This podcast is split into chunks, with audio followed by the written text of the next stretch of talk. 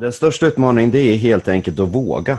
Att våga göra någonting. Man är, det känns ju ganska kritiskt att behöva hjälpa någon som har ett hjärtstopp och det är väldigt mm. lätt att man blir osäker och känner tänk om jag gör fel.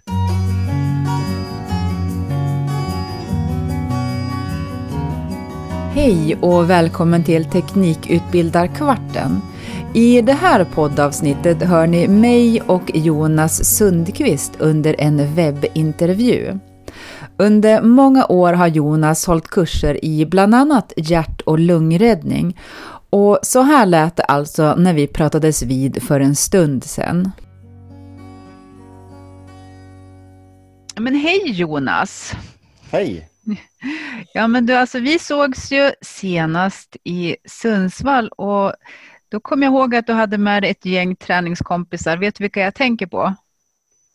Nej, vad tänker du på då? Ja, du menar mina dockor kanske? Ja, precis. Kan du beskriva hur det ser ut när du landar hos eh, någon där du ska ha kurs? Ja, eh, då kommer jag i min lilla ambulans som jag har som ja, företagsbil. Också, ja. Där jag förvarar all min utrustning i och det är lite kul med, med ja, att, att det går ihop med min verksamhet. Då. Eh, så den brukar ge uppmärksamhet då när man kommer fram. Mm. Och jag eh, ser till att alla har en varsin docka att öva med när man gör kurserna. Så det är ganska mycket utrustning att, att bära in och oftast mm. folk snälla och hjälper mig att bära in det. Då. Mm. Och sen ehm, behöver jag lite tid på mig att förbereda innan, se till att alla har en egen plats att öva på och sen ja. är alla välkomna in och så kör vi på. Mm. Hur många är man som lagom på en kurs med dig? Lagom brukar man säga ungefär 12. Sen ja. har jag gjort med lite större grupper ibland och lite mindre, men 12 är ett ganska bra eh, nummer att hålla sig till för då kan man ge alla väldigt mycket individuell coaching. Ja.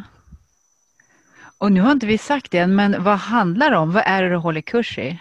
Ja, det kan man ju fråga sig. Det blir ju lite konstigt om inte vi har sagt det kanske när vi pratar dockor. Eh, vi pratar ju HLR, hjärt-lungräddning, första hjälpen och elskador i första hand. Ja. Och mm, ja, just idag så pratar ju du och jag så här via webben. Och mm, Ja, innan vi går vidare och pratar ännu mer om HLR, hur mår du idag Jonas?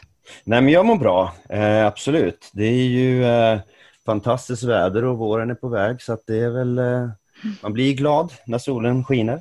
Ja, fastän vi är i de här tiderna vi är, men härligt att lyfta fram det positiva.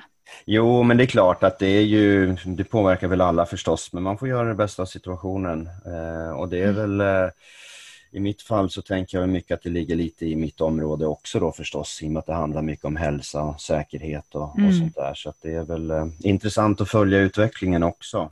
Mm, mm. Du, jag, jag, vet att du har hunnit med en hel del sen vi såg senast, eh, då när du var här hos oss på Teknikutbildarna och höll kurs. Mm. Du är ute på lite, ja, stora äventyr får man väl kalla det. Kan du berätta? Ja, eh, jag är också delägare och delgrundare i ett eh, företag som sysslar med expeditionsresor, alltså lite aktivare resor. Mm. Så jag mm. reser ju en hel del veckor om året och, och guidar människor på lite olika ställen som eh, ja, till exempel Bhutan, Kilimanjaro, Grand Canyon. Mm. Det kan vara på Svalbard, lite andra ställen. Det kan Oj. vara från skoter och skidor till vandring och forsränning och lite annat. Då. Så det är ganska aktiva resor med ja, mm. kunder och resenärer i alla åldrar. Ja, ja det är vida kast. Ja, det, det, är, det kan gå fort ibland. Ena dagen sitter man på kontoret och jobbar och nästa sekund så står man på Kilimanjaros, eller nästa dag ska jag säga, inte nästa sekund, men om ja. några dagar efter så står man på Kilimanjaros topp. Så det är ju det är stora kontraster. Ehm, så mm. det är skönt med lite omväxling också. Ja, Förstår du, när vi ändå pratar om det, när du är ute på dina äventyr och du håller också kurser inom hjärt och lungräddning. Har du varit med om något tillbud någon gång? Ja, alltså jag har ju på ett eller annat sätt jobbat som guide på olika sätt. Alltifrån dykning till äventyr och vildmark och sånt sedan 94. Och det är klart, ja. håller man på så länge så är det ju klart att... Oj, vad gammal jag kände mig nu. Eh, håller man på så länge så är det klart att man alltid kommer stöta på någonting. Och man är ju lite grann som en sjuksköterska när man är på de här, eh, framförallt de här vandrings och, och vildmarksresorna. Det kan ju vara allting från magproblem, stukade fötter, mm. in, in, invuxna tånaglar till mm. faktiskt laga tänder också på, på okay. hög höjd. Mm. Eh, så det finns ju en hel del eh, som man råkar ut för förstås då, och, och även eh, allvarligare ibland också. Jag har ju varit med om två tillfällen när det var HLR-situation då. Uh -huh. på grund av olika anledningar. Och det är klart, det är Ja, då får man göra det bästa av situationen. Det är inte alltid man har tillgång mm. till allt man behöver. Men mm. jo då, det händer en hel del faktiskt. Mm. Men oftast mm. små grejer som sagt var. Stickor mm. och näsblödningar och mm. tänder. Tack kanske och lov. Ja, tack och lov verkligen. Det är viktigt med att ha säkerhet innan och tänka till före och det är väl det som man också tänker på företag när man ska gå mm. sådana här kurser, att man har en beredskap och en krishantering. Mm. Du, HLR, det är ju ett känt begrepp. Vill du berätta vad, vad står det för och vad innebär HLR? Mm, ja, det kan ju vara bra att veta för det är inte alla som kanske känner till det. Eh, HLR står ju för hjärt-lungräddning och det innebär ju egentligen att man när någon har ett problem med hjärtat till exempel, en hjärtinfarkt kan ju leda till ett hjärtstopp. Och har man då ett mm. hjärtstopp så kommer ju puls och andning att upphöra.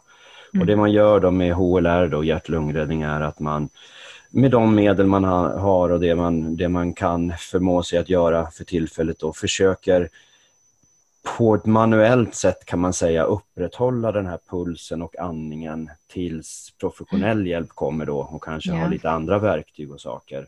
Mm. Ehm, så att man då minskar um, syrebristen till hjärnan så att den inte bryts ner och blir förstörd. Då. Mm. Ehm, hjärnan har ju bara några minuter, ett par minuter på sig att klara sig utan syre och sen börjar det gå riktigt illa. Då. Så det, det, gäller att agera snabbt, så det är en form av syresättning kan man säga för kroppen. Mm. Så egentligen är det ju hjärnan man räddar om man ska vara riktigt ärlig och inte hjärtat och lungorna.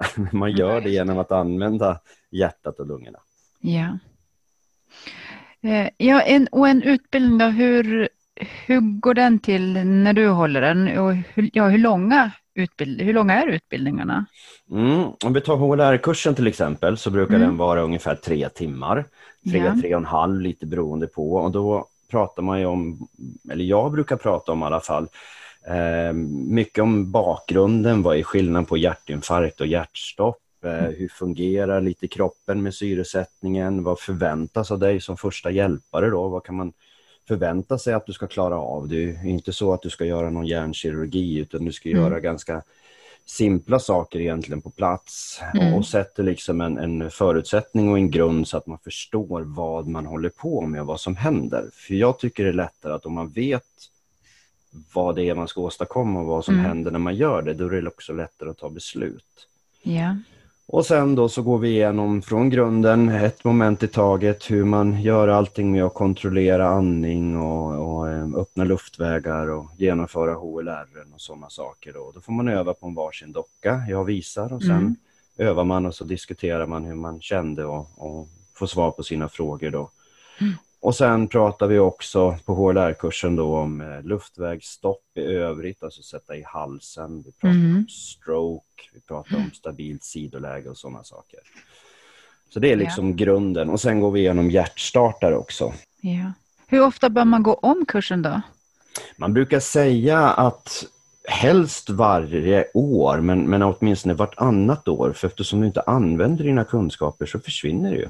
Mm. Och dessutom så är det ju eh, det, det, är lite kontraproduktivt eller kan kännas lite fel. Man går en kurs för att lära sig någonting man förhoppningsvis inte behöver. Mm, Men den mm. dagen man behöver det så är man väldigt glad att man kan det där. Mm. Ehm, så det är ju ja, så osäkerheten. Men då brukar jag säga till, till mina elever att om du är osäker så är du inte osäker.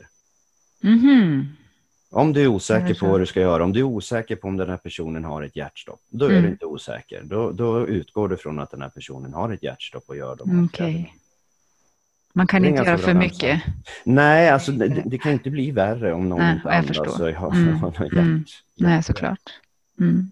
Om jag skulle fråga dig om något moment i dina kurser som liksom skapar mest tumult, kan du lyfta fram något sånt? Ja, det skulle jag kunna göra. Jag har en, men den vill jag inte avslöja för den är en stor del av kursen. Ja. Så det är en liten så surprise-moment. Men sen har jag ju då när jag gör olika scenarion. Mm. Ehm, jag brukar ha lite scenarion, framförallt på första hjälpen-kurserna. Det, det, är inte så mycket på HLR-kursen, för då är det mer att jobba och sätta en rutin och sätta det i ryggmärgen. Men om vi tar första hjälpen-kursen och elskadekurserna, då mm. brukar jag köra lite scenarion där, där man delar ut lite tillstånd och så ska de andra försöka ta reda på vad det är och lösa det. Och det där kan du delar, bli... Vänta, en gång till. Du delar ut lite tillstånd. Hur, vad, vad menar du då? Man skulle kunna säga att jag, jag delar upp gruppen i två. Och de ja. halva, ena halvan får gå ut i rummet och de andra stannar kvar. Och så kanske mm. jag talar om för att du ska simulera att du har diabetes och du ska simulera att du blöder och så vidare. Mm. Och sen yeah. när de här andra halvan kommer in så ska de försöka reda ut eller ta reda på vad är det för tillstånd de här har och ah. göra rätt åtgärder. Mm. Och det där brukar vara ganska kul och det, det blir en kul tumult för det brukar leda mm. till ganska mycket skratt. Yeah. och frågor. Men, men det brukar mm. vara väldigt, väldigt roligt mm. att göra. Och eh, Vissa är lite osäkra innan och tycker det är lite obehagligt men när man mm. väl har gjort det så, så Mm. Nästan kan vi köra igen. Ja, härligt. Mm. Så det är väl den som är mest eh, aktiv. Den kanske inte är så tumultartad men... men eh, det kan ja. hända mycket där. Det kan hända mycket där och mycket mm. roligt framför allt. Ja. Du nämnde ju elskadekurser eh, Jonas och på Teknikutbildarna då kan man väl säga att vi brinner alldeles särskilt just för det här med elsäkerhet. Mm. Och vi har ju ja, en elektrikerskola också och träffar ju mycket folk inom elektrikeryrke genom de kurserna som vi har. Och du har också en kurs som du nämnde då, som heter den första hjälpen vid elskada. Ja, precis. Var, varför, finns, eh, var, varför har man en speciell kurs för det? Ja, det kan man ju fråga sig, för man kan ju tycka att om man är elektriker och gått utbildning till elektriker så kanske man borde kunna det här. Men, mm. men, tyvärr är det så att det är ganska låg kunskap om det här, för det är inte alltid det ingår i utbildningen. Och mm. sen har man kanske jobbat många år och man blir lite sådär bekväm och, och, och som man kan bli när man är trygg i något arbete. Mm. Och så glömmer man bort det här och, och framförallt så, så ja, man har lätt att bagatellisera och man mm. pratar inte så mycket om det. Det är normalt. De flesta elektriker de har varit med om någon liten grej och de tycker mm. inte det var så farligt. Um, så, så det, men det är väldigt, väldigt viktigt och, för det händer så mycket i kroppen som inte är synligt också. Det kan hända det. grejer med nerver och, och eh, pH-värden i blodet och kemiska mm -hmm. grejer som gör att man kan få problem med allt från synen till motorik, till tal, till balans, till alltihopa. Och det här som också kan komma se Ja, precis, det var det jag tänkte. Precis ja. Det kommer smygande, det är inte, man upptäcker inte på en gång. Liksom. Nej, sådana grejer upptäcker man inte på en gång, så därför mm. är det viktigt att man vet vad man ska göra i det här fallet. Som mm. till exempel vad, vad man ska när man ska åka till sjukhus och, och vad man ska kolla upp och sådana saker. Mm. Ehm, så att det är ju, det är oftast, skulle jag vilja säga, en, en, lite, om man får uttrycka sig lite starkare, en skrämmande låg kunskap om det här. Mm. Det blir väldigt, väldigt mycket aha-upplevelser bland de som är med på de kurserna. Jag tänkte fråga dig, hur bra är vi, ja, svenska folket på HLR? Ja, alltså man säger att det finns ungefär fem miljoner utbildade i Sverige, så det är ju ganska stort, det är ungefär halva befolkningen. Ja. Men, men då räknar man ju alla som har gått och det kan ju mm. vara att man gick en kurs för 20 år sedan. Ja, eller kanske när man gick gymnasiet eller värnplikten. Så mm. kunskapen finns till grund där ute, även om den har förändrats en del till tillvägagångssättet. Mm. Um, och jag skulle vilja säga att generellt sett så är nog eh, alltså befolkningen i allmänhet har nog ganska god kunskap om HLR, tror mm. jag. Mm. Men, men det som är, är att man, man törs inte använda den, så man måste Nej. hela tiden bli påmind och öva för att våga. För det är det mm. absolut viktigaste, att våga. Om man ja. inte törs göra något så spelar det ingen roll hur mycket du kan. Mm, mm. Så att, generellt sett så är nog kunskapen bra, men, men mm. kanske modet är inte riktigt lika bra. Sen tycker jag så... att man märker att det blir mer och mer kring det. Men en elskada däremot, där är det ja, skrämmande. Ännu skrämmande. Säga. mm. jag, jag tänkte ju faktiskt fråga dig, vad, vad, behöver vi öva mer på? Och är det då egentligen att vi borde öva vårt mod? Eller, eller vad tänker du? Ja, jag skulle vilja säga det. För, för, för det är ganska basala grejer. Det är ju det du egentligen ska göra det är ju att, att, trycka på bröstet och blåsa in. Det är egentligen det du i grunden ska göra. Men, men, man kan göra det här mer eller mindre effektivt. Och när jag säger effektivt så menar jag inte räddningsmässigt, för alla människor är olika, utan jag menar effektivt för dig själv, hur mycket mm. du orkar och hur mycket du törs göra. Så jag lägger väldigt, väldigt, väldigt mycket vikt på mina kurser, just det här med modet och våga, att känna sig trygg i mm. att jag kan inte göra fel. Det är ja, ja. väldigt, väldigt viktigt. Och där mm. har man ju fördel av att repetera det här, så under kurserna ger jag också lite tips på hur man kan öva det här hemma för att hålla kurserna vid liv tills nästa gång man går en repetition. Mm. Så våga är det svåraste. Mm, mm. Fast egentligen inte, men man, man tycker det. ja, jag förstår. Och det här med ramser kopplade till HLR, finns det sådana som du tycker är användbara? Eller? Apropå att träna hemma och så, eller vad, ta med sig och minnas? Ja, precis. Det finns ju en klassiker som heter 30, 32 mitt på eller 32 kör på. Berätta, vad är det? Ja, det innebär att generellt sett kan man ju säga att HLR, grunden av det är att du gör 30 stycken kompressioner på bröstet för att få pulsen att cirkulera, blodet cirkulera och sen gör du två inblåsningar. Mm. Och med mitt på då så menar man att man ska trycka mitt på bröstet. Yeah. Och, tar man ramsan 32 kör på så innebär det helt enkelt att har du börjat göra HLR så kör mm. på bara. Tills mm. någon kommer och hjälper dig eller, eller tills personen vaknar mm. till igen helt enkelt. Så det är det man menar med det, att försöka göra det enkelt. För kommer man ihåg 32, mm. då, då, kommer man oftast ganska långt. Okay. Sen finns det lite andra också som, som de fem H, hjälpa, hjärna, hjärta, HLR, hjärtstartare. Mm. Och det är mhm. då att man först ska se till att man verkligen vågar hjälpa. Ja. Och det är ju för att rädda hjärnan. Ja. Det gör man genom att man ser till att hjärtat får en funktion. Aha. Genom att göra HLR, mm. och använder man HLR så ska man också använda en hjärtstartare. Okay. det är hjärtstartaren som får igång pulsen kan man säga. HLR i sig är egentligen bara en, en en underhållsfunktion för att mm. fortsätta syresätta. Men det är en hjärtstartare som liksom stör bort den här rytmen i hjärtat som gör att det inte kan slå som mm. det ska. Oj ja, livsviktiga saker, verkligen. Till sist då, Jonas, jag tänkte på, tänker på vårt beroende av mobilen som vi faktiskt alltid har med oss. Finns det någonting i den, kanske i appväg, som kan vara bra att känna till? Absolut, det finns jättemånga appar som man kan ladda ner och använda sig av som, som fyller olika funktioner. Jag kan ju nämna några lite kort då, till exempel. Det finns mm. en app som heter Rädda hjärtat som man kan ladda ner. Den finns till båda operativsystemen av de två vanligaste då, Android yeah. och iPhone om man, eh, utan att ja. göra någon reklam, men de är väl vanligast. Ja. Eh, och Rädda hjärtat då, där kan man både få en audiovisuell guide om hur man gör HLR för att repetera mm. lite grann och du kan även söka på vart det finns hjärtstartare i närheten. Mm. Det är en väldigt, väldigt bra app. Mm. Eh, sen finns det ju andra appar som till exempel eh, som jag har på min telefon. Man kan ladda mm. ner den appen och så lägger man in lite sådana här kontaktinformationer. Man lägger in eh, vad man har för blodgrupper, kanske sjukdomar och sådana saker. Mm. Eh, och där kan man också i den jag har så får man till exempel, den känner av automatiskt i vilket land man är och så får man upp numren som man ska ringa i det landet om det är en, en nödsituation. Mm. Till exempel. Det är en jättebra app som jag som reser använder väldigt mycket. Mm. Vad heter den då, sa du det? Eh, den he, det finns lite olika och det beror på vilket operativsystem ah, okay. man har, men den jag har heter SOS Emergency App.